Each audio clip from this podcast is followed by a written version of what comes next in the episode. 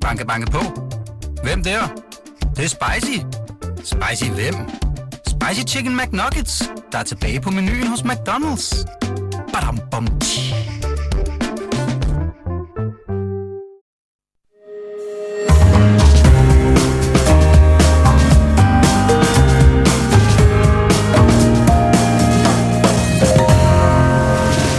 Du lytter til Korto og Steno, en podcast fra Berlingske. Venstres medlem af Europaparlamentet og formodet spidskandidat til det næste øh, Europaparlamentsvalg, der kommer øh, til næste år i 2024. Morten Lykkegaard hedder han. Han mener, at der akut er behov for en ny dansk europapolitik. Det skal vi tale om med Morten Lykkegaard lige om lidt. Velkommen til. Mit navn er Jarl Cordua. Og jeg hedder Torben Steno, og vi har også en hel masse andet øh, på programmet i dag, men det vender vi tilbage til, når vi har talt med Morten Lykkegaard, der snart er på vej ombord på et fly i Belgien, men nu er med os på telefonen, det håber jeg i hvert fald. Er du der, Morten Lykkegaard? Jeg kan ikke høre ham. Det kan jeg heller ikke. Nå, men øh, vi håber at få hul igennem til... Øh, Er du med os, Morten? Lykke- Morten Lykkegaard, er du med os? Ja, det kan du tro. Jeg står i lufthavnen i Bruxelles, så jeg er med. Godt. Godt. Øh, hils øh, i Saventem Lufthavn. Nu skal du høre, Morten. Jeg læste jo på Altinget her forleden dag, at øh, du nu udfordrer din nye gamle partifælle Lars Løkke, at øh, man øh, at nu øh, Danmark skal have en ny europapolitik. Det haster. Øh, der er akut behov øh, til det. For, øh, hvor, hvorfor, hvorfor mener du, øh, at, at der er akut behov for en ny europapolitik? Hvad er der, hvad er der vejen med den gamle, om man så må sige? Jamen, øh, spørgsmålet om vi overhovedet kan tale om en europapolitik, om vi overhovedet har en. Fordi man kan sige, at den gamle europapolitiske aftale, som jo det, jeg refererer til, den er fra 2008. Og man skal jo ikke gå mange år i skole for at regne ud af, at en aftale, der er skrevet i 2008, har jo ikke, ret- har ikke meget værdi i 2023, hvor der vidderligt er sket en utrolig masse ting i verden. Så det er også ud fra savlige grunde, at det jo, øh, er det jo en rigtig god idé at få, at få en ny aftale på plads, så vi alle sammen ved, hvad vi har at holde os til. Og så kan man sige, politisk, så giver det jo rigtig god mening at øh, presse på nu, fordi vi jo altså står med et Europaparlamentsvalg i 2024, altså om et år. Det lyder måske for nogen som lang tid, men det er det ikke, det er lige om lidt. Øh, og et EU-formandskab, dansk EU-formandskab i 2025. Og det er jo også lidt ud i fremtiden, men det er de allerede begyndt at forberede rundt omkring i ministerierne. Så hvis man skal have nogle guidelines og noget, vi alle sammen kan, kan rette ind efter, så er det på høje tid. Hvad er det så for nogle guidelines? Fordi altså, nu siger du godt nok, at der har været en aftale helt tilbage til 2008. Det har jeg glemt alt om. Men, jeg, men om, i øjeblikket har jeg det sådan på fornemmelsen af, at jeg har da en ret klar fornemmelse af, hvad dansk europapolitik er. Jamen, så må du hellere fortælle mig om det. Nej, jeg synes, der er mange ting, vi mangler at få. Så må du, så må du, altså, der er mange ting, vi mangler for afklaret. Altså, vi befinder os i en verden, hvor vi har gennemlevet øh, en finanskrise, vi har gennemlevet en migrantkrise, vi har gennemlevet corona, og nu en krig. Og Det vil sige, at der er en lang række politikområder, som øh, i dag er helt naturligt for os at tale om som EU, øh, fælles EU-politiske områder. Øh, for nu fra at tage øh, forsvarspolitikken som en, og sikkerhedspolitikken som en ting. Hvis du havde sagt til, til, til mig for tre år siden, at nu laver vi fælles indkøb i Europa på våben til at hjælpe ukrainerne i, i en krig, øh, så ville jeg have grinet op i hovedet og sendt ud af lokalet. Det, det, altså, den slags ting sker jo bare. Jamen, det er det. Øh, og, og, vi har ikke, og vi har ikke forholdt os kvalificeret til det. Der er intet om det. Der er ingen fast aftale om det mellem, øh, mellem partierne. Tværtimod er der, er der en almindelig forvirring, og det vil sige, at i det tilfælde er det jo, altså for nu at være helt ærlig, meget, meget få personer, der træffer afgørelsen om, hvad linjen er. Og der mener jeg jo, at når man nu er en trepartiregering, og vi ovenikøbet har nogle mennesker, man selv inklusive, der interesserer sig lidt for det her, så kunne det være rart, at man satte sig sammen og fik det her på plads. Jeg, jeg kunne tænke mig, at nu har jeg sidst tjekket, der var Venstre jo med, dit eget parti jo med i regeringen. Hvad har du sagt til dine egne? Øh, de har vel også noget, skulle jeg have sagt, i, i den re- regering? Eller hvad? Ja, ja, men det er heller ikke en, en kriserklæring til nogen. Det er en stilfærdig opfordring til, at øh, vi, vi kommer i gang. Øh, jeg har øvrigt grund til at tro, at min, øh, min egen ledelse mener det samme. Øh, jeg tror, at, at det har længe været et ønske fra vores side, fra Venstres side, at få gang i de her forhandlinger. Vi allerede sidste år, altså før den nuværende regering, øh, der var, var vi i gang med at lave et stort stykke arbejde i Venstre for at få, øh, om man skal sige, den socialdemokratiske mindretalsregering i gang. Og jeg ved også, at øh, Jeppe, Jeppe Kofod, da han var udenrigsminister, havde en plan øh, parat, som Mette Frederiksen så ikke ønskede at gøre noget ved. Så der er altså været bevægelse, der har været løfter, det står i regeringsgrundlaget, at man skal have noget på plads øh, inden, øh, inden det danske formand, EU-formandskab, så det er ikke bare noget, man står og finder på, det er noget, der, der er i gang. Hvad, hvad, så, så kunne man jo spørge dig, du er politiker og øh, har siddet i Europaparlamentet i, ja, det nærmer sig vel 10 år.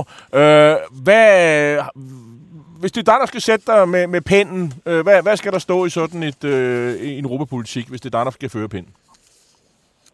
Det er et utroligt godt spørgsmål, som jeg er utrolig glad for at få, fordi jeg har lige siddet og brugt et halvt år på at spidse pinden og skrevet vores EU-politiske program i Venstre.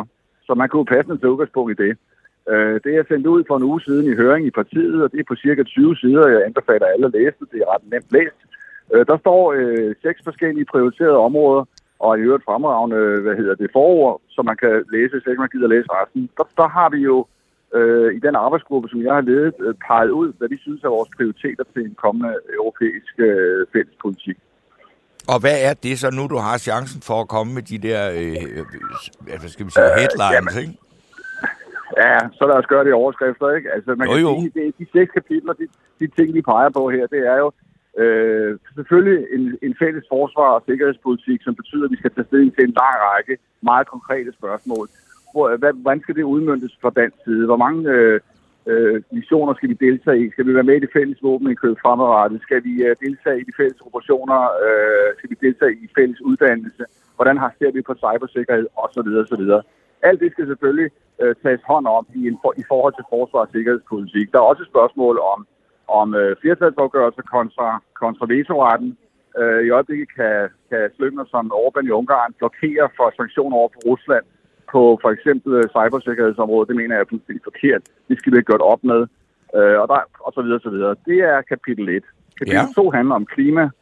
Øh, der, er spørgsmål, der er selvfølgelig et havspørgsmål. Det er også det, der er måske mere øh, stof, som vi, øh, som vi kender lidt til. 3 handler øh, meget interessant om europæisk suverænitet.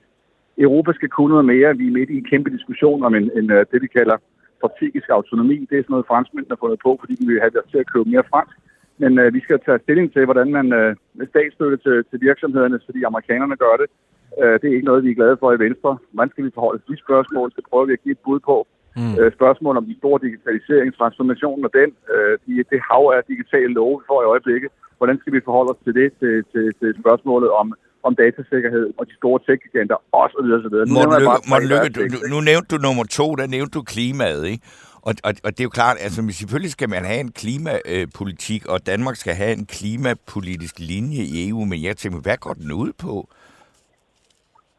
Den går ud på, at vi skal støtte øh, løsninger, der, er, der baserer sig på det private initiativ og på innovation. Øh, alle er jo enige om målene, alle kan råbe jo op om, og alle kan, kan, kan, kan ikke genkende til 70 procent målsætninger, det vil sige 55 procent i EU-sammenhæng. Vi synes, vi skal have EU op på de samme målsætninger. Vi synes, vi skal have de store med det er ikke bare sådan lige at få Polen og Tyskland øh, og andre store nationer med på, på vores form for energipolitik. Vi skal tage stilling til byrdefordelingen, hvor mange, hvem skal betale hvad. Det er vi i fuld gang med lige nu. Øh, vi skal have forholdt os til, hvordan øh, vi ser på spørgsmålet netop om, øh, hvor meget der skal statsstøttes, og hvor meget der skal øh, kan man sige, nurses privat, hvor meget de private skal drive det, sådan, så vi jo mener, at det skal. Det skal være en innovativ udvikling, som gør, at vi når vores mål, osv. osv. Der er et hav spørgsmål også på klimaområdet. Godt, jamen... jamen så, øh... Vi skal lige videre. Vi, ja. vi, vi, nu, vi, nu har vi nået fire. Kan vi nå de to sidste også? Ja. Ja, men ja, der er faktisk tre. Ja, altså, det, det, hvad hedder det? Det ene, det, der er et kapitel, der handler om værdier, mm. øh, om truslerne mod vores demokrati. Det er noget, en af mine personlige hassander. Øh, jeg har deltaget meget i spørgsmålet om, om hybridkrig, som jeg også har været haft ind på livet her på det seneste med russisk spionage. Der er en hel masse ting. Jeg, jeg, har, jeg er næstformand i et udvalg, som lige har barslet med en stor rapport, der igennem så sent som i går, med over 170 forskellige forslag til, hvad, hvad vi synes, at der skal være fælles europæisk, når det handler om hybridkrig og kampen mod, uh, mod, mod russiske troldehager, spørgsmål om hacking, spørgsmål om international kriminalitet på cyberområdet, spørgsmålet om spionage, som vi jo sidder midt i nu, spørgsmålet om, om kritisk infrastruktur, angrebene på vores rørledninger, øh, russiske både i uh, Atlanterhavet osv. osv. Øh, det kapitel øh, er også uhyre interessant, og skal vi også have en hel masse øh, uafklarede spørgsmål at svare på der. Så er der et spørgsmål om, øh, vi skal have flere danskere i øh, Bruxelles. Det er et kæmpe problem, som har vokset og vokset over for år, at der er alt, alt for lidt interesse fra de unge mennesker at gøre karriere i Bruxelles, og dermed være med til at styrke danskerne i institutionerne. Det kan man selvfølgelig mene er sådan lidt, øh, lidt chauvinistisk og lidt almindelig nationalistisk, men det er faktisk et reelt problem, fordi vi behøver danskere og dansk forståelse, øh, forståelse for dansk politisk kultur, ikke bare i parlamentet, men også i kommissionen, hvor mange af de her kvoter bliver støbt. Øh, og der har vi virkelig behov for, at øh, unge mennesker tør at tage det, vi kalder konkuren, altså eksamen, og komme ind blandt de bedste af de bedste unge, øh, der skal lede fremtiden i kommissionen. Hvor, Så hvorfor det har vi også et kapitel om. altså, det er umiddelbart, men, men kan, hvad er egentlig argumentet for øh, at, at have et dansker? Det er jo selvfølgelig altid rart med nogle danskere, øh, hvor der, hvor der bliver besluttet nogen som helst ting, men, men øh, kan, kan, du, kan du være mere præcis på, hvorfor er det et problem, ja. Ja. at der ikke er så mange?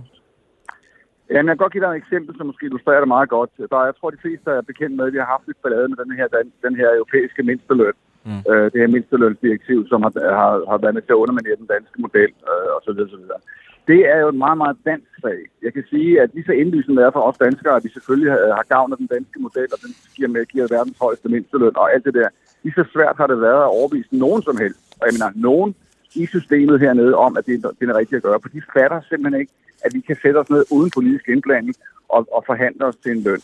Øh, så, så det er et eksempel på et stykke politisk kultur, som faktisk det kræver uendelige mængder af tid at forklare øh, en, en hel række mennesker, inklusive den kommissær, som skrev, sad og skrev det her direktiv, og alle vores politiske venner og fjender, som, ikke, øh, som, som har det til fælles på det område, at de ikke forstår, hvad der er særligt dansk. Så hele den der idé om, hvad der er særligt dansk, og hvad vi kan bidrage med i øvrigt til, til, til, til det politiske system, øh, det, det kræver simpelthen nogle danskere. Af samme grund har jeg også kun danskere ansat på mit kontor. Jeg kunne sagtens ansætte en masse øh, fine og velkvalificerede udlændinge, der kun taler øh, udenlandsk. Øh, og så kunne vi sidde og snakke engelsk hele dagen og have det fint med det. Men altså, det kræver bare, hvis man skal arbejde med EU-stof fra Danmark, så kræver det en forståelse også af det danske system. Og, der, og der, derfor mangler vi unge kvalificerede mennesker til at gøre det. Godt, så hvis der sidder nogen og hører det her, og, og så er der en, øh, en opfordring til fra Morten Lykgaard ja. om at, at søge den der konkurs, den der... Søg. Så, Søg, Ja. søg, søg. Søg. Ja, og, Ja, ja, det og hvis der er nogen danskere, eller unge danskere, hvis der er nogen, der kan fransk, så er der Ja. ja. der også nogle muligheder i det, det. det er en Tysk, tysk, fædrelandskær... ikke mindst. Tysk, ikke mindst. øh, En fædrelandskærlig handling, og det er at søge et job i Bruxelles. Ja. Morten Lykgaard, du skal ombord på dit fly. Tusind tak, fordi du tog dig tid til at orientere os om øh, din standpunkt i den her sag. Øh, og have det godt, Ja, tak, for, tak fordi jeg var med. selvfølgelig. Jeg kan selvfølgelig ikke nære mig for at gribe den der med, at Morten Løbgaard, Øh, jeg, det er lige før, jeg indstiller ham til ugens fordusbamse, men det vil jeg selvfølgelig ikke gøre, for det er for plat. Men at han siger, at han, han, vil, han vil kun have dansktalende i, i, på sit kontor. Øh, fordi det er vigtigt, men jeg forstår godt, hvad han mener. Det handler selvfølgelig om, at man måske få, måske få dem sporet ind på en karriere i EU-systemet. Øh, herhjemme, der vil de unge mennesker jo heller ikke tale dansk, det kan jeg jo erfare. Øh, tales engelsk over det hele, og, øh, og man kan jo læse i dag i Berlingske, hvis man gider og har lyst, øh, hvor jeg ligesom tager øh, livtag endnu en gang med nogle af de der øh, kommentarer, jeg har fået på mit oprindelige indlæg omkring øh, dansk. Og, øh, og jeg, ved, jeg ved, Torben Steno, øh, at øh, du jo kommer, øh, i hvert fald tidligere kommet en hel del i, i Flensborg, og, øh, og der er det jo et konkurrenceparameter, øh, i hvert fald i nogle forretninger, øh, mm. øh, hvor der simpelthen sætter et skilt i, øh, i, øh, i døren, Ja. eller på annoncer, hvor der står, her taler vi dansk. Men ja, og det må jeg så sige, nu du nævner det, så kan jeg da godt huske det. Men jeg har altid bare tænkt, i, i Flensborg, det der er noget af det, der er det fine ved den by, det er, at man kan lige meget næsten, hvor man er. Så kan man altid, hvis man henvender sig på dansk, så er der jo ikke nogen, der overhovedet tager notits af det. Så kan der godt være, at der er nogle steder, hvor de ikke øh, taler sproget. Men, de, øh, men, men det gør man bare. Og jeg, altså, Flensborg synes jeg ikke rigtig er noget øh, særligt godt eksempel, fordi det er en by, der er fusioneret mellem dansk mm. og, og tysk og engelsk. Altså, jeg vil ved på, at der bliver sagt lige så mange engelske ord i Tyskland eller i Flensborg, som der gør i Danmark. Ja, ja, men nu, nu, nu, nu mere fordi, at, øh, at der er jo flere, blandt andet Lars Seier Christensen og andre som siger, som, som liberale, som jo mener, at øh, det der med engelsk, det, der, det, det er fint af, af, af, af restaurationspersonalet, eller tjenerne og, og, og folk, der, der hvad hedder det, ekspederer ind i forretninger på café og så videre i København, jo, jo, jo, jo taler engelsk. Øh, Herregud, det handler om arbejdskraft, og, og, og det der med Danmark, det er fuldstændig ligegyldigt. Øh, der siger jeg så, jeg, jeg mener ikke bare, Danmark er, eller København er sådan en, en markedsplads og et produktionsmulighedsområde. Øh, Danmark er et sprog med historie, kultur osv., øh, og, øh, og, og, og en tradition, og at øh, vi sender et signal om, at det er fuldstændig ligegyldigt at tale øh, dansk. Øhm, og der er det, det jo... vil, altså, så må jeg så sige, hvem er så vi? Øh, fordi Ja, det er jo alle dem, der slår over i, i engelsk. Ja, ja og, og jeg har så lige lavet øh, i mandags, var jeg inde i det der øh, food, øh, foodie-marked. Ja, selvfølgelig hedder det det. Øh, ja, det, Det hedder jo ikke meget madmarked. Det, Det nej, nej, det det er, altså, Nej. jeg synes, altså, jeg synes, at det, der, hvor det er helt sindssygt irriterende, det er, at du kan jo ikke engang lave en offentlig institution eller en kommunal bygning, så, så hedder det University of et eller andet. Altså, i stedet for præcis. bare at hedde det, der, at kalde det det, det er. Men der gik jeg jo så hen og skulle bestille noget, så som selvfølgelig, så stod der en sort mand, og jeg øh, afgiver selvfølgelig min bestilling på engelsk, fordi at hele menukortet var selvfølgelig på engelsk, hvorefter man smilende svarer på dansk. Øh, oh, den var lidt flov, var den ikke? ja, det var lidt ikke, fordi hvor man tænker, hold da op, og han var ikke dansker, for han havde en lille smule accent. Jo. Så, så det er jo, der er jo altså også nogen, som, øh, hvad skal man sige, lærer sproget, og som også øh, gerne vil sprog. Men- og men jeg kan her- godt forstå, at man ikke bliver særlig motiveret for at lære det, når man hører øh, moderne danskere, som er så forelsket i deres eget danske med hver andet ord engelsk. Ja, fordi det, det, altså, det synes jeg faktisk er et meget værre problem, fordi det er så grimt, det er så usekset, og det er altså der, det er der, vores sprog er i, i krise og i fare for at forsvinde, fordi det bare bliver sådan en gang. Og der kan jeg jo også øh, diskutere med nogle unge mennesker, som bare siger, glem det, sådan bliver det. Du skal bare embrace det, ikke? Og alt det der embrace og, og, og, og face det og alt Altså, jeg tror kun, at øh, altså, jeg kommer kun til at høre mere af det, for de unge, de kan godt lide det, og de kan ikke høre, at det ikke er et sprog. De synes bare, at de fornyer dansk ved os at putte engelske ord Og det der med, at øh, man siger fuck i hver anden sætning og sådan noget, det, at hvis man tror, det kun er sådan, øh, sådan arbejderklassen, Ej, det er det unger, ikke. der gør det, så ude i Hellerup, hvor jeg bor, der sad jeg sådan på, på kirkebænken her til noget konfirmationssalmesang her forleden dag, og der sad de her i øvrigt pæne, søde, renskurede unge mænd, og sagde fuck i hver anden sætning, som om det var fuldstændig ganske almindeligt. Det lød som en havnearbejder, der var faldet om efter sin første Jo, men det er bare, fordi du er så gammel, øh, øh, men- men, du altså, ved, hvordan, det... har en fordom om, hvordan en havnearbejder... Der er slet ikke nogen, der arbejder i en havn Ja, det er fuldstændig ret. Ja, ja, det hele taget en håbløs øh, boomer. Nu sagde du en, en sort mand. Du mente vel en ekstra pigmenteret herre Nej, af afrikansk Man må, oprindelse? jeg sagde Nå. nej, fordi han, ja, han behøver da på ingen måde at være fra Afrika, og han var sort. Nå. Det er den officielle Sort, betegnelse. på det? Må man sige det? Jeg hedder ikke Ja. afrikaner. Nej. Afrodansk. Jamen, det kan du ikke hedde. Nå. Altså, du kan da sagtens være sort, og så komme fra USA, for eksempel. Godt. Ja, ja, jeg, jeg tror ikke, vi kommer det videre øh, her. Øh, Nej. Vi har jo så meget andet, Torben, på programmet, og øh, øh, måske vi skulle... Altså, det er, jeg fandt i dag... Skal vi lige få, skal vi lige få øh, overstået Jon Steffensen? Vi skal Jo, ja, alle tale om Jon Steffensen, og vi gør det også. Ja, blæs Jeg- jeg, med finansloven. Jon Steffensen ja. Har taget hele Jeg opmærksomheden. vil sige, altså det, der er, står til mig, det er, at selvfølgelig måtte det der ende sådan her, men jeg kan egentlig ikke sådan, øh, altså, øh, hvad skal man sige, øh, melde mig i koret af folk, der er farvet over, at Jon Steffensen, en 63-årig mand, øh, måske har fået en lille en, og så rækker ud efter øh, mobiltelefonen, og så til, kommer til at tænke på en 19-årig, som han synes har en lækker krop. Øh, men det der er, et, et, fordi altså, han har jo ikke han har jo bare sagt, hvad mange andre tænker. Altså, jeg er jo også en 63-årig mand. Jeg kan da også godt se en 19-årig kvinde, som jeg synes har en lækker krop. Jeg, problemet er, at jeg behøver ikke at sige det, og hun, vi behøver ikke at være medlem af det samme parti. Uha. Nå, jamen altså, selvfølgelig, altså, mennesket er sådan det. Men det, der er helt, helt vildt ved den her sag, det er jo, at Jon Steffensen pointerer, at, altså, at han vil komme hele og styrke tilbage og genskabe tilliden til vælgerne, mit parti, moderaterne og mine partifælder. Det er dog godt nok det mest groteske sludder, øh, man overhovedet kan sige, men det er jo det, at, at øh, som jo Jon Steffensen også har gjort i mange, mange sammenhæng, det er, at han siger et og gør noget andet, og altid siger det politisk korrekte, eller hvad der nu lige er den vej, vinden blæser. Og der får man jo lyst til at citere øh, Jon Steffensen, hvad han skrev øh, på Facebook øh, kort tid efter Sofie Linde havde lavet sit øh, berømte øh, udtalelse ved Zulu Awards, tror jeg det var, TV2, hvor hun snakkede om den her øh, tv-personlighed, som truede hende med at ødelægge hendes karriere, hvis hun ikke gik ud og suttede den af på ham. Og der skriver Jon Steffensen, Jeg kan ikke takke dig nok, Sofie, for det du har gjort for min datter på 10 år ikke skal ende som sexobjekt, men bedømmes som et menneske med kvalifikationer den dag hun står og søger sit job. Altså, det er alligevel ret vildt, at man kan få sig selv til ikke at måske at skrive det, fordi han måske mente det på det tidspunkt, men ikke kende sig selv så godt nok til at vide, at øh, hvis man måske har fået et par glas rødvin og har mødt en ung kvinde, som man synes øh, så godt ud, og som viste interesse for den gamle støvede mand, at så man så øh, ikke kan lade være med at sende hende en sms øh, om det. Men altså omvendt, så kan jeg så sige, at nu må vi altså også holde, kan den kvinde ikke, altså at, at er vi derhen, hvor, hvor, hvor, hvor, hvor hele nationen skal deltage i, om hun får et godt liv, om hun kan komme sig over det. Hun kan da bare skrive, øh, og nu siger jeg ikke fuck dig, men simpelthen siger, altså skrub af gamle støder, mand. Altså, Ja, den altså, er den jo ikke. altså jeg, jeg tror, det var...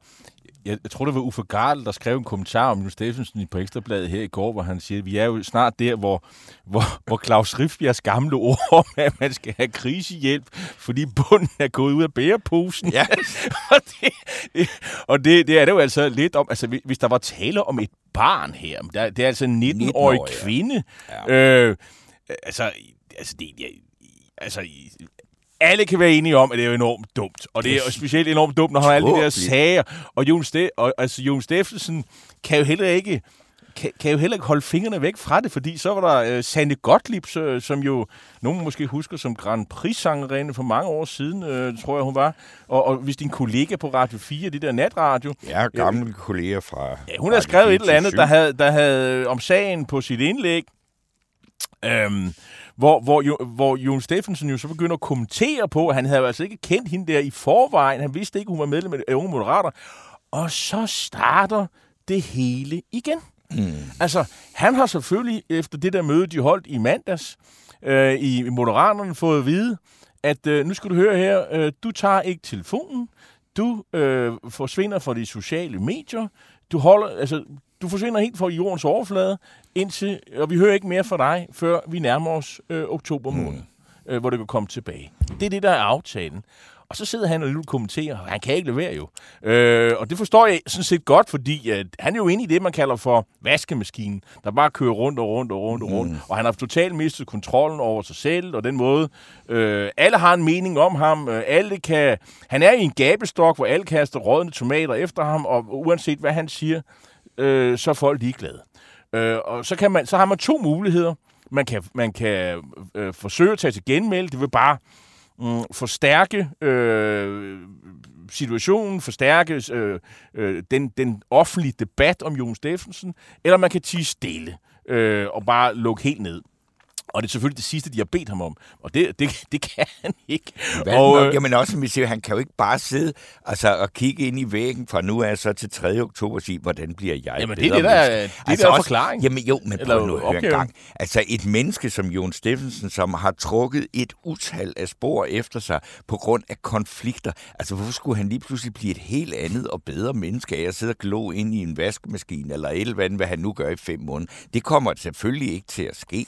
Det her, Carsten Sand har en sjov bemærkning. Han skriver, Ibi Pibi, det var hende der, ham der, Kunstneren. den der kunstner, der havde ødelagt et, et jord, øh, øh, kunstværk, har en teori om, at Jon Steffensen er et kunstværk, men hans agerende virker det ikke, øh, med hans agerende virker det ikke usandsynligt. Ja, jeg, jeg kan sige det der, og det er jo klart, det jeg er mest optaget, det er selvfølgelig mig selv, at jeg i den her sag synes faktisk, at øh, jeg har tænkt meget på, at jeg flere gange i det her program øh, sagde til Lars Lykke, altså henvendte mig til ham og sige, Lars Lykke, du skal bare øh, ringe til mig, så skal jeg nok stille op for Moderaterne, og hvis jeg får en plads den, så skal jeg sidde der lo- lojal, fordi jeg er nemlig ligesom Jon Steffensen, ja, den alder der, at sådan fire år derinde med en pensionsordning, øh, det var lige det, jeg stod og manglede, og der havde, jeg har ikke nogen sager, jeg, jeg, og jeg synes, det var mærkeligt, at han, han reagerede aldrig på det, og jeg sige, mm. altså et, et teknokratisk midterparti, det vil jeg virkelig, Men- Men, jeg er Ja, ked af, at jeg ikke fik chancen. teknokratisk liberalisme, som øh, øh, Nils Jespersen fra Pio Pio, han, han kommenterede her forleden. Ja. Det jeg er meget, meget præcist, øh, hvad der er i, i hvad skal man sige, øh, hvad, hvad der egentlig er Moderaternes ideologi. Øhm, det, der er jo også interessant, det er jo, jeg tror det var Jakob Nielsen på Alting, har skrevet en større ting, hvor han jo ligesom øh, tager fat i, hvad er Moderaterne egentlig for et parti? Det bliver ligesom afsløret i den her behandling af Jules Steffensen. Jo jo, de har alle mulige øh, regler for, hvordan man skal omgå hinanden og det ene og det andet, men i tvivlstilfælde, så er det jo ikke sådan, øh, at det er sådan, der er sådan en hovedbestyrelse, der træffer beslutninger, sådan et, et valgt organer. Så i, udefra, så ligner det jo ganske almindeligt parti, men det er det jo ikke. Det er jo, det er jo et Lars Lykke-parti. Det er et parti, der er en kulisse for Lars Lykke, der står inde på scenen. Og i, i tvivlstilfælde, jamen så er det jo Lars Lykkes, der har øh, det sidste ord i, øh, i det parti. Og, og, og, og hvis der er nogen fra unge moderater, der synes, at det er helt forkert, at der ikke bliver gjort mere ud af Jon Steffensen, han ikke bliver knaldet helt ud, så vil jeg bare sige, jamen de har jo, det de melder sig ind i moderaterne, da de engagerede sig i det politiske parti, så har de jo købt præmissen om, at det er Lars Lykke, der bestemmer, og han i øvrigt kan ændre holdning øh, fra det ene øjeblik til det andet. Ja. Altså, det, det er sådan set præmissen. Og hvis man ikke synes, at det er særlig sjovt, og man har lidt af den vildfarelse, at man har politisk indflydelse, så er jeg bare sige, så er det nok ikke det, man skal lægge sig Ja, og dog, jeg vil så sige, altså, jeg tror faktisk, at der kommer et parti ud af det, øh, fordi der er altså nogle stykker, så nu, vi, nu snart sidder vi og taler om Jon Steffensen, som formentlig er et overstået kapitel i politik, så er der jo, altså vi har da øh, haft besøg af Monika Rubin, der er politisk ordfører, og Rasmus Lund Nielsen. Der er altså nogen, der vil noget med politik, og som også prøver at tegne en selvstændig øh, profil. Og øh, det tror jeg, altså, at, de så, at Lars Lykke så et langt stykke af vejen selvfølgelig er enige med dem. Men det... altså, de kan jo sige og, og hjælpe op om alt muligt, men i sidste ende, så er det jo Lars Lykke, der har råpinden og bestemmer. Og han, og han siger, nej, det her regeringsflertal skal vi ikke bringe i fare, og så kan, kan han jo, altså, øh, så, kan han, så, må, så må Jon Steffensen gøre alle mulige ting, og skrive alle mulige tossede ting, og så videre. Men altså, det her, Torben, det vidste vi jo på forhånd. Altså, da Jon Steffensen stillede op, altså, det kan man ligesom også se på de der tusind teater og mennesker, som, øh, altså, ja, der er ja, godt nok mange at mobilisere. Sådan vældigt had og, og, og foragt for manden. Altså, hvad har han dog gjort i alle de år? Øh, jo, jo. Altså, du kender jo nogle af de der mennesker, ja, der tak. har skrevet under og sådan noget. Han, øh, han, han, er, har, han har et, et, et helt utroligt dårligt ryg. Ja, han er skidt fyr øh, ja, i teaterbranchen. Ja, ja og, og, men, men, altså, og, altså, men nu er jeg jo, øh, og det har jeg jo afsløret, jeg er både altså, skuffet over, at Lykke ikke tilbød mig et, øh, en kreds, en kreds og, og at øh, jeg stemte øh, på projektet, fordi jeg synes, at, øh, at Lars Lykkes politiske idé var øh, rigtig, og at jeg, øh, jeg ved ikke om, altså, jeg går ind for teknokrati, Øh, så, så, og der, det er jo nok det nærmeste, vi kan komme øh, på det. Så jeg synes, at, at øh, det, det er en... Altså, selvfølgelig vil der så være, når man laver sådan et parti, der får øh, masse mandater, være et par lykkerider, der kommer ikke. Og, og jeg synes at også, vi, altså i den her sammenhæng skal nævne, at kan vide, hvor længe det går med, inden at Jeppe Sø, manden, der er indehaver af øh, øh, domænet netfise.dk, som er kirkeordfører for Moderaterne, ikke? Altså, og som også altid altså, altså, har søgt en politisk karriere indtil jeg kan, flere gange. Jeg ikke? kan høre, at du læser øh, meget frihedsbrevet. Mads Bryggers, for gamle chefs øh, øh, øh, frihedsbrev. Han har sådan en ugelig ugebrev. Og hver, i hvert eneste ugenligt, der nævner han altid, at Jeppe Sø er indehaver af domænet netfacebook. Ja, men, og jeg kan anbefale folk at gå ind og se Jeppe Sø forklare, på YouTube, øh, hvor han bliver spurgt af en journalist, om hvorfor han har det her netfise, om det har noget med porno at gøre. Nej, hvor han svarer, han ser aldrig porno. Øh, det er noget, der er oprettet, fordi han havde et eller andet projekt om sammen med sex og samfund og sådan noget, og ville øh, lave, øh, gøre op med nogle seksuelle tabuer eller et eller andet, eller misforståelser. Altså, og, det, og man kan sige, det er jo simpelthen et fantastisk klip i, øh, for at se en, en, en politiker, der virkelig, Jens, virkelig altså, underbygger sin troværdighed. Der er en diskussion øh, blandt vores lyttere om, hvor mange personlige stemmer Jon Steffensen fik, og, og, og, og, og Jens Akkergren skriver 1.500 personlige stemmer. Øh, hvor mange personlige stemmer fik Jeppe Sø? Altså. Det ved jeg så ikke. Øh, en anden sag, som jeg synes, jeg har, jeg har bemærket, det er jo Pernille Skipper, er blevet kommentator på TV2 News. Øh, og øh, jeg synes jo, øh, det er jo klart, at TV2 News har været under pres for, at der ikke er for få kvinder, øh, blandt andet i bedserviserne, hvor jeg selv medvirker. Øh, det er, hvad, hvis der kommer sådan et, hvis det er fire mænd, der stiller op, så er det sådan et all-male panel, som det hedder på nudansk. Øh, og, og så er der øh, en milliard øh, øh, øh, en, en milliard feminister, som, øh, som, som, som vil, he, vil have diskussion til at handle om det, frem for det, som bliver diskuteret. Og derfor så har øh, TV2 News været på jagt efter øh, flere kvinder som politiske kommentatorer. Øh, og, og det er så blevet Pernille Skipper, som jo øh, uden tvivl har enormt stor politisk erfaring, øh, og har siddet til forhandlinger, og har været medlem af Folketinget rigtig lang tid, så det er jo bare at sige velkommen til hende.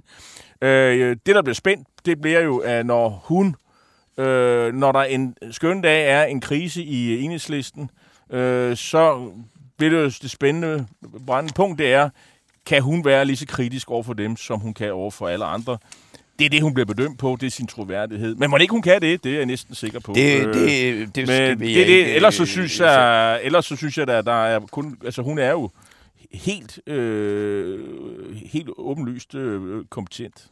Men jeg synes også, jeg vil lige benytte lejligheden til at knytte et par kommentarer til et par andre små fænomener på den politiske scene den her uge, fordi øh, i den her uge, der var der tre øh, læger, henholdsvis Mogens Krog Jensen, Per Bøje Hansen og Peter Møller. Øh, og øh, de er kirurger, og de skriver sammen øh, en kronik i Berlingske. Og øh, den, øh, hvad skal man sige, der, der, noget af det, der står i der, der, det er, altså, at, at der er mange af deres øh, kolleger, øh, kirurger, øh, der beretter om øh, betydelig højere effektivitet i den private sektor og mere tilfredsstillende arbejdsforhold øh, øh uden administrative byrder. Og det peger de på at gå ud med og siger til den her, altså i, øh, som et oplæg til en debat omkring det her øh, mishandle, eller hvad hedder det, misligeholdte sundhedsvæsen og kriseramte sund, sundhedsvæsen, vi har. Og øh, jeg vil bare sige, at jeg har kontaktet de tre kronikører, for at høre, om de ikke havde lyst til at komme herind og, og uddybe den kritik, de har, af, fordi det er jo en kritik af det offentlige sundhedsvæsen, som de er en del af. Og øh, deres svar var, hvor jeg bare tænkte, hvorfor i alverden skriver I sådan en kronik? Øh, nej, det ville de ikke, for det der var så voldsom øh, reaktion på det, de havde sagt. Så det, så det betyder, at det er åbenbart ikke et øh, særligt vigtigt synspunkt, hvis bare, at der er modstand mod det. Det er sådan noget, hvor jeg tænker, hvad, hvorfor i alverden laver I det så, hvis I ikke har lyst til at diskutere det, og ikke benytte jer af jeres mulighed til at bruge den viden, I har fra en sektor, som interesserer mange mennesker, og som står over for en større reform, at så kan vi ikke få jer til at uddybe det, så vil I hellere bare sidde og tige. tige. Og så er der en anden en, Bangebuks. Ja, det var, det var øh, jo Jonas, Jonas Herby, Herby. som jo normalt øh, ikke er bange. Han er, fra, han er øh, økonom på hos, hos øh, Cepos, og han skrev en rigtig spændende øh, kommentar til, til Alting forleden dag, hvor han jo sagde, foreslog, at man... Øh, det der med at smide penge øh, ud til, til udkanten og så videre, med landsbyer og holde liv i dem. Øh, nej, han mente, man skulle udvælge et par landsbyer til bevaring for eftertiden, og så måtte resten øh, overleve på egen hånd, eller simpelthen dø ud. Og, og det synes jeg jo var et rigtig interessant synspunkt. Meget interessant. Og, men det havde han altså ikke lyst til at uddybe. Nej, Øh, og det og, sige, og, og, man... og jeg vil bare sige, det har jeg aldrig oplevet at Cepos ikke stille op med noget, de selv har skrevet. Nej. De stiller altid op, øh, og det, fordi det er jo ikke noget politisk parti jo. Nej. Det er jo en tænketank, og øh, så de, de, de, de plejer at stå ved, hvad de, hvad de skriver, men det er altså ikke i det her tilfælde. Det var utrolig ærgerligt, Jonas. Øh, Jeg ved, du lytter til programmet tit og ofte, øh, men du er altid velkommen, også også i næste uge, til at uddybe dine øh, i øvrigt glimrende kommentarer i alting. Ja, og så kan jeg så sige til dig, altså, øh, det kan godt være, at du ikke har lyst til at tale om det, men man kan jo stadigvæk læse synspunktet, Ja. og det øh, er Og- ret interessant. Øh, vi, vi når ikke det hele, men jeg kunne godt tænke mig lige at komme om øh, en, en sidste kommentar. Det er det her med Søren Pape, som jo, hvis privatliv har åbenlyst været genstand til offentlig interesse, øh, i, i hvert fald under valgkampen. Og, og der er der så et par stykker fra Viborg Kommune, der er lidt flere end et par stykker, der har, øh, der har kigget i hans private øh, filer i forbindelse i, hos kommunen. Og, øh, og det har man så undersøgt. De har taget sådan en stikprøve, og der er to, der er blevet bortvist, og nogen har fået en advarsel. Og der må jeg bare sige, jeg talte med min kone, som arbejder i staten, siger, jeg siger, er de idioter?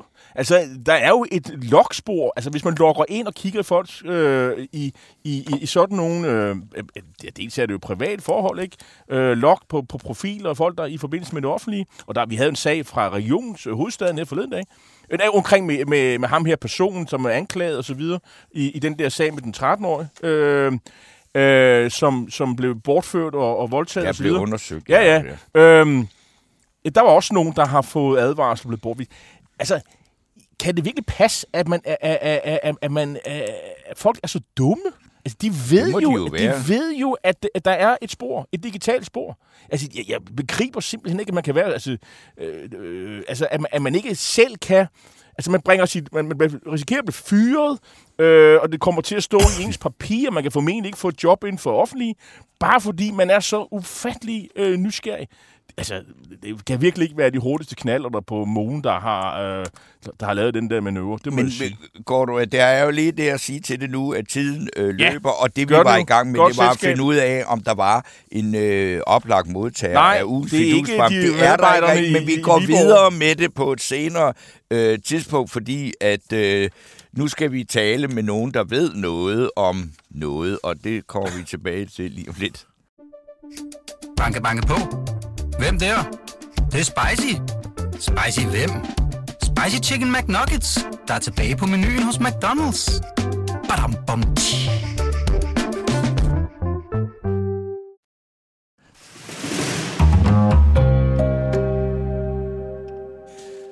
Fordi at øh, nu skal det handle om Ukraines vej ind i EU. Og umiddelbart så lyder det jo ikke som noget, der sådan set er særlig aktuelt, fordi krigen stadig væk raser, og udfaldet på ingen måde er sikkert. Og, og værst tænkeligt, jamen så kan det jo ske, at Ukraine slet ikke eksisterer om en årrække. Det øh, er der jo der nogen, der ønsker. Og alligevel, så forbereder EU sig på, hvordan man kan optage det her krigsplagede land.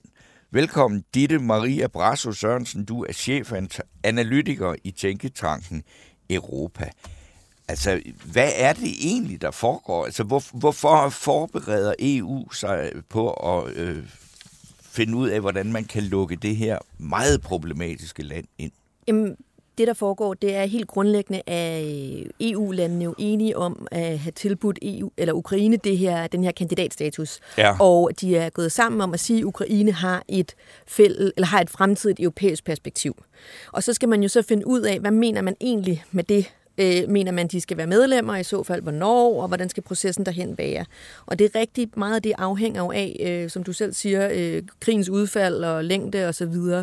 Men, men øh, den proces, man kigger ind i, det er, at man allerede her i maj øh, vil kommissionen fremlægge øh, sin sådan overordnede vurdering af, hvor godt det går for Ukraine med at komme i mål med de her reformer, som man bad dem om at lave, det fik kandidatstatus, og til efteråret, der kommer så den her fra kommissionen, den her rapport, ikke kun på Ukraine, også på Moldova, også på øh, Georgien, om hvordan det går med deres øh, kandidat, øh, kandidatur.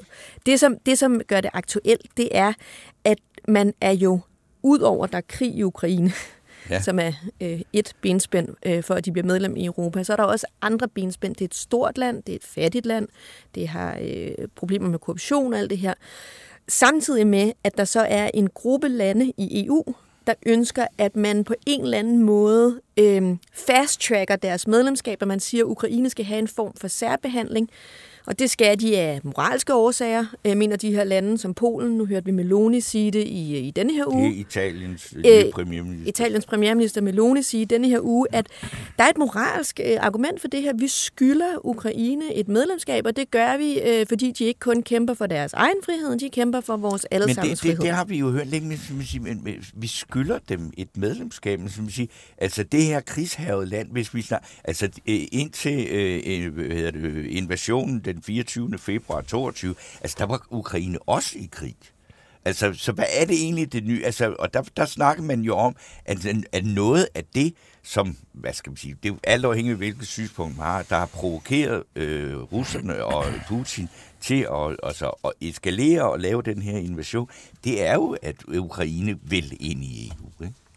Jo, det kan man sige, og det er også vigtigt at sige, at øh, medlemsstaterne, det er også derfor, det gør det interessant, og det er også derfor, debatten øh, raser nu, det er, at medlemsstaterne er jo ikke enige, for der står så på den anden side en gruppe medlemsstater, Tyskland, Frankrig, Danmark, øh, som siger, jamen øh, et EU-medlemskab er ikke en, øh, det er ikke en præmie, man får for at kæmpe mod en aggressor. Det er, det er, et, det er et medlemskab, hvor man skal leve op til en række krav og reformer og københavnskriterier osv., mm. og der er Ukraine meget, meget langt fra. Så selvom vi ønsker, at de skal have et europæisk perspektiv, så, øh, så har vi den her meritbaserede øh, tilgang, som, som, øh, hvor man søger, og så kommer man ind i venteværelset sammen med alle de andre lande, der ligger der, øh, Vestbalkan og så videre, og så må vi tage den derfra. Jamen, du som ved så meget, hvad foregår der? Sidder der så nogle mennesker på et kontor et eller andet sted i Bruxelles til, og leger sådan ud i fremtiden med, hvad, hvad, hvordan skal, hvor, hvor langt skal de være med hensyn til bekæmpelse af korruption og så videre? Altså med et land, der er midt i en krig? Ja, præcis. Det er jo det, man gør. Det er jo det, man gør, når man tilbyder et land øh, kandidatstatus. Så har man jo allerede bedt dem om at gennemføre reformer på en række områder. Og det kontor, som de her ja. mennesker sidder og øh, leger på, det er jo kommissionen, der sidder og vurderer, hvor langt kommer Ukraine. Og det, som man må sige, øh, Ukraine har formået at vise, og som jeg også vil forvente, kommissionen øh, ved øh, i talesæt både i maj og til efteråret, det er, de har formået at gennemføre øh, en række reformer, på trods af, at de er i krig. Kan du, kan, kan du prøve at, at komme med et par stykker, som... Øh... De har formået at gennemføre øh, en række reformer på bekæmpelse af korruption og på, på deres øh, dommerstand osv., så som er noget, man har bedt dem om at kigge ind i. De er slet ikke i mål, men, men, men, man, men man anerkender jo det, at de faktisk har et fungerende statsapparat, øh, givet den meget svære øh, øh krigssituation, de står i. Øh, så det vil sige, det er jo et spor, man kontinuerligt kommer til at øh, følge, og der, hvor øh, jeg tænker, det bliver interessant, og hvorfor det er aktuelt, det er, at øh, fordi der er denne her uenighed, og fordi at der er en række medlemsstater, Polen, Italien, de baltiske lande, der, der taler for, at man skal være mere lempelig, eller man skal accelerere øh, processen omkring Ukraine, så tror jeg, at det, man kommer til at se ind i, det er, altså vi er jo ikke engang påbegyndt optagelsesforhandlingerne, så det er jo mm. første skridt, det er, at man kommer til at se en, en, en ligesom man gjorde med kandidatstatus, en accelereret proces mod optagelses, altså at man påbegynder optagelsesforhandlingerne, og så kommer man i den proces, ligesom man også så det med østudvidelsen, til at se en skræddersyet proces derfra, hvor man vil forsøge at øh, designe og være lidt kreativ i sin tænkning omkring, hvad, hvad kan vi give Ukraine af politisk, institutionel integration og økonomisk øh, integration øh, frem mod et medlemskab, altså før et medlemskab, så en før tiltrædelsesstrategi. Fordi det er jo meget åbenlyst, at der er gode grunde til os fra Ukraines, øh, set fra Ukraines stol, at de ikke bliver medlemmer med det samme. Det vil have meget store konsekvenser, både for Ukraine og EU. Er det fordi, at deres økonomi ikke øh, tåler at blive konkurrenceudsat, for eksempel, på samme måde, eller hvad? Det er jo en overvejelse. Det vil være, at det er, det er som, som Ukraines øh, erhvervsliv og økonomi er sammensat nu, så vil de have meget svært ved at øh, øh, kæmpe øh, på lige fod med tyske virksomheder. Så hvis man indlemmer Ukraine i det indre marked, kan det risikere at øh, have hårde kon- øh, økonomiske konsekvenser for Ukraine. Og en anden ting der, som man øh, jo også så med østudvidelsen, det er, at man frygter en hjerneflugt for Ukraine mm. øh, til jobs i Vesteuropa eller Østeuropa for den sags mm. skyld. Øhm, og det er jo arbejdskraft, man har brug for i men, for Ukraine. Men den foregår jo alligevel, øh, og den er reelt set sket, og, og man kan sige, og, og Russer, den russiske øh, angreb på Ukraine har jo også bidraget til det. Altså, det kan, sådan er det jo. Men, men, men øh, det der, der hvor, de sektorer, hvor, hvor Ukraine jo øh, skal man sige, øh, har nogle øh, komparative fordele og andre ting, det er jo fødevaresektoren. Altså, nu, de har masse korn i hvert fald, og der har allerede set, nu begynder det protektionismen øh, ind i visse EU-lande, og du smiler, fordi vi ved allerede, at altså polakkerne, som jo ellers i mange andre sammenhænge foregangsmænd for, for Ukraine, øh, deres landmænd, og jeg har indtryk af, at det politiske parti, der styrer løjerne i Polen, øh, de lytter meget til, hvad de ukrainske landmænd siger. Øh, fordi de vil ikke have ukrainske øh, korn ind i øh, Polen, fordi de simpelthen øh, udkonkurrerer dem. Ja, de vil ikke have det ind, så længe det er konkurrenceforvridende, fordi det er så meget billigere. Og det vil det jo højst sandsynligt fortsætte med at være i mange år. Konkurrenceforvridende, fordi de producerer billigere, eller hvad? Ja, præcis. Øh, så, de, så, det, så, er det ikke, så, er det, så er det vel bare konkurrencedygtigt? Ja, konkurrencedygtigt. Ja. ja, ja. Øhm, men, men, point, men pointen er jo, at øhm, det så man den samme slags overvejelser. Det er jo også det, man kan se en del af de her diskussioner, så vi også med Østudvidelsen. Man så den samme diskussion med Polen. I Østudvidelsen Polen, et andet land, som havde en stor øh, landbrugssektor, hvor man lavede overgangsordninger. Og det samme kan man jo, altså overgangsordninger på den fælles landbrugspolitik, mm. på EU's fælles landbrugspolitik.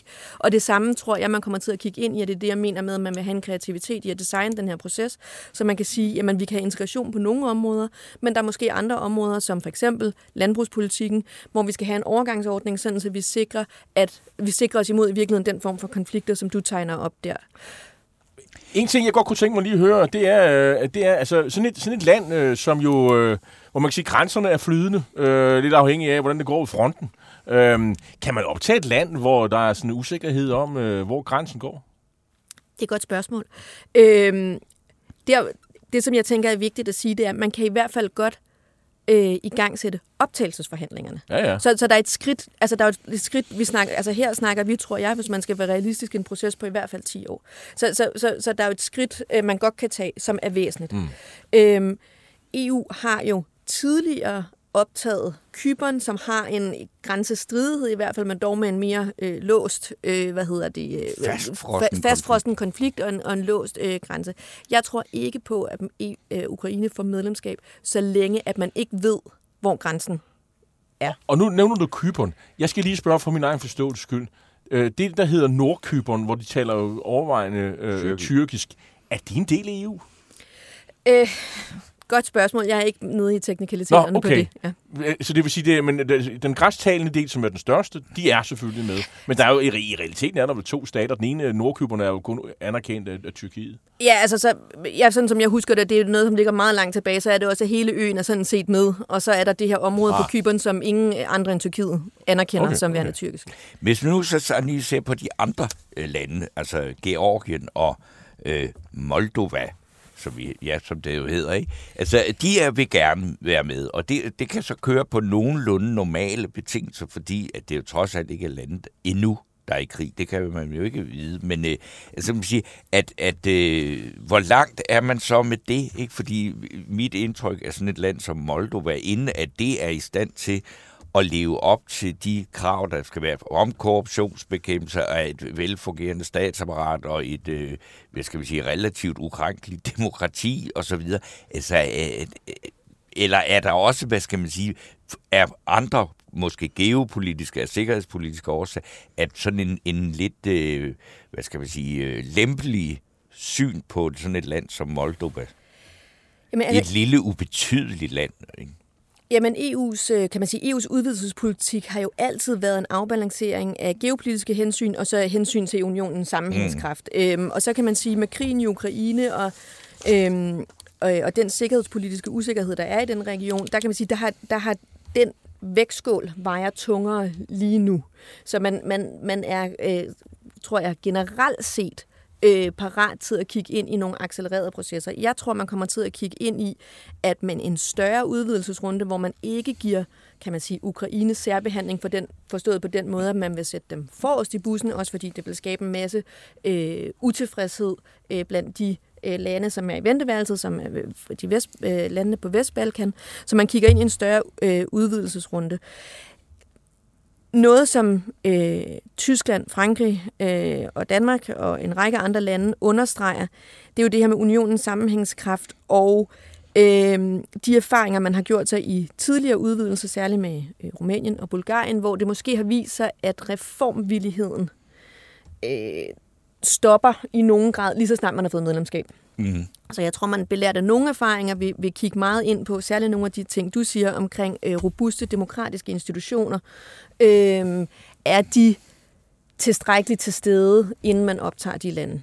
Ja, og så, så kan man sige, altså øh, Ungarn, vidunderligt land, som jo ikke bestiller stort set andet end at være opstandasig. Hvad, hvad synes de om de her øh, øh planer om at optage Ukraine og på den... Altså, hvad, hvad, hvad, hvad, Victor Orbán, han bliver nok siddende mange år endnu, ikke? Det tror jeg også. øh, øh, det er ikke noget, de har profileret så meget på. Jeg tror, med Ungarn, der skal man, øh, der skal man længere ned i trakten, og så skal man vente og se, fordi de er jo et af de lande, som vil blive påvirket på, lad os sige, når, lad os sige det er Ukraine, vi taler om, stort land, øh, et fattigt land, men en stor landbrugssektor, øh, det vil være midler, de skulle have. En del af vil være samhørighedsmidlerne, det vil være landbrugsmidlerne. Det vil være midler, som Ungarn også, særligt samhørighedsmidlerne, drager fordel af. Samhørighedsmidlerne for ikke fagpersoner? Hvad øh, re- regional udvikling. Altså det er det der regionalfonden, ikke? Jo, præcis. Okay. Øhm, øh, så det er jo, det er jo fonde, når øh, øh når i den udstrækning, at øh, Ungarn har adgang til dem, når de ikke er blokeret, så er det, så er det noget, som Ungarn får gavn af. Og der vil et land som Ukraine jo være med til at omfordele den pulje, der nu engang er. Ditte Marie Brasso Sørensen fra Tænketanken øh, øh, Europa. Øh, vi har lige prøvet lige at opsummere, hvad der er dine pointer, og man kan faktisk læse om det inde på, din, øh, på jeres hjemmeside, der hedder Think Europa, det, det, det, hvor du har skrevet om det her. Det er forestillingen om, at Ukraine kommer med i EU, de er langt ude i horisonten. Det er ikke lige i morgen. Øh, og EU-systemet er meget kreativt for at komme omkring det her, fordi der, det, er, jo- det er jo alt set en, en, en udfordring, som er gigantisk et eller andet sted. Og den er politisk mere, end den er fordret af, øh, af, af, af det, man kunne sige være øh, åbenlyst savlige øh, årsager. Det, det er mere politik, end, end at, at, at landet egentlig er, er kvalificeret. Øh, og, øh, og, og, og, og, og, og, det, og så er der en diskussion om, hvorvidt man skal opfinde et nyt spor øh, i forhold til det sædvanlige. Øhm, så det vil sige, øh, øh, at, at igen, du, du, overskriften hedder kreativitet i udvidelsespolitikken. Det, er sådan, øh, det lyder nærmest som en, en, en eufemisme, og du smiler. Øh, det her det er svært. Det er, det er øh, det, du, du siger 10 år. Er det, er, er, er det ikke snarere 15 eller 20? Det, det tror jeg ikke er urealistisk, at det kan trække ud på den måde. Øhm, en ting, som, øh, som vi ikke har været inde på, som jeg synes er værd at nævne, det er, at den her kreativitet, øh, den skal man huske hele tiden skal balanceres op imod, at Ukraine ønsker ikke mindre end EU-medlemskab. Det er det, de har, øh, det er det, de har øh, øjnene sat, det er den pris, de har sat øjnene på. Så, så de her, nu har man jo faktisk forsøgt at lave et øh, europæisk politisk fællesskab. Øh, Macrons idé om en eller anden, øh, det, det er lidt uklart, hvad det er, men en, en, en Europa Plus-model, hvor man så kan snakke om sikkerhedspolitik og sådan noget. Den er de med i. Men det, de vil have, er jo et EU-medlemskab. Så jeg tror, at det, man kigger ind i, det er en proces, hvor man kommer til at åbne de formelle optagelsesforhandlinger. Mm. Og så sideløbende lave de her øh, forskellige institutionelle og økonomiske integration øh, på, på mindre områder.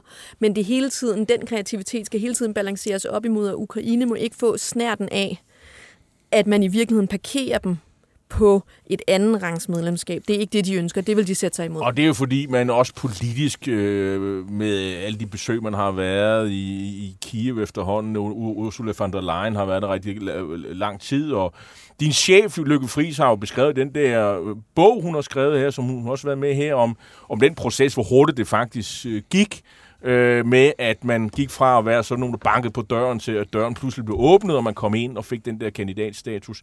Og det er selvfølgelig udviklingen i krigen, der ligesom er, er, er har, har, har affødt den situation. Men jeg kunne godt tænke mig lige at bede om her forhold til aller, aller sidst, det her med, at de siger, de vil have et EU-medlemskab og intet andet.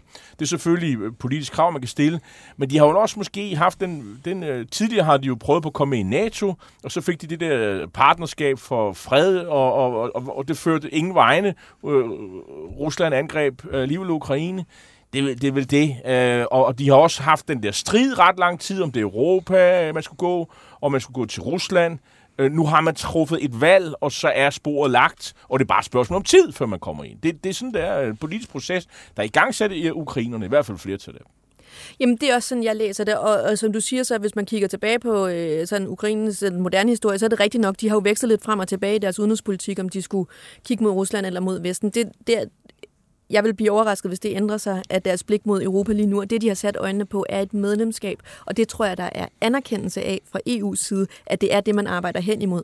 Men der er også anerkendelse af, som du siger, at det ikke sker som vi har hørt Meloni og øh, hvad hedder den polske premierminister udtale. Det er ikke noget, der sker inden for et par år. Det er en 10-15 år frem i tiden. Ditte Maria Brasso Sørensen, tusind tak, fordi at øh, du kom her. Nu har vi lige et par minutter til at bamse lidt, indtil vi skal have en pause.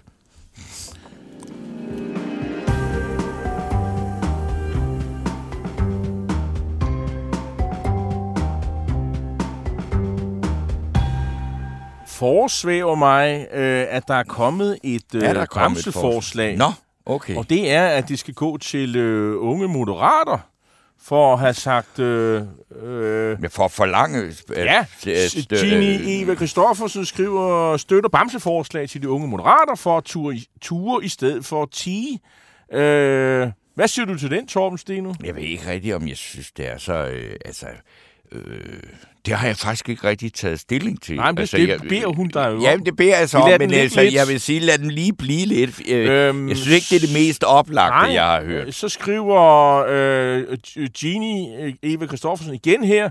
Pernille Skipper kan være en lige så troværdig politisk kommentator som Joachim B. Olsen, der også har en partipolitisk baggrund. Han fremstår jo som et langt bedre menneske i hans ikke længere så nye kommentatorrolle. Ja, Joe. Jamen, det har jo, du jo ret i. Altså, og Joachim B. Olsen skal jo også testes den dag, at der er ballade i en ny øh, allian- øh, liberal alliance. Mm. Altså, er han lige så kritisk over for dem? Øh, og ja, der tror jeg faktisk, vi mangler at, at få testet ham. Øh, det tror jeg, han er helt øh, bevidst om. Altså, er han lige så rå, frådende og kritisk øh, over for øh, LA, øh, men øh, man kan sige, til Joachims forsvar skal man sige, Liberale Alliance har ikke været i, i nogen krise, så længe han har været politisk kommentar. Ikke rigtigt i hvert fald, det synes Nej, jeg ikke, man kan altså, sige. bortset fra en hel periode med tre mandater. Jo, jo, bevar mig vel, men der var han jo knap politisk kommentator. Art måske, men altså, sådan, hvor de sådan rigtig har været nede og suge grundvand. Altså, siden uh, Alex, jo, man kan sige, du kan sige, der var boligsagen, det, ja. men der tror jeg også, han gik til stålet. Det tror jeg mm. faktisk, han gjorde. Nå, Nå. men vi, øh, det var simpelthen, der er stadigvæk øh, virkelig åben for nye øh, bamse forslag, og øh, det er så noget, vi tager stilling til, om der er en bamse på vej ud underskrevet herfra øh, i næste time. Men lige nu så tager vi altså en pause, og når vi er tilbage, så skal vi debattere både de akutte og de langsigtede problemer i psykiatrien med Socialdemokraternes psykiatriordfører Rasmus Horn Langhoff og Liberal Alliances sundhedsordfører Louise Brown – og så skal vi tale med Christina Grøntved, der er medlem af Velfærdsrådet, der netop er kommet med en række anbefalinger til, hvordan man løser problemerne med mangel på arbejdskraft i velfærdssektoren. Og så slutter vi med det kommende græske valg i en samtale med lederen af det Danske Kulturinstitut i Athen, Måns Pelt. Banke, banke på. Hvem der? Det, det er spicy. Spicy hvem? Spicy Chicken McNuggets, der er tilbage på menuen hos McDonald's. Ba-dum-bum-chee.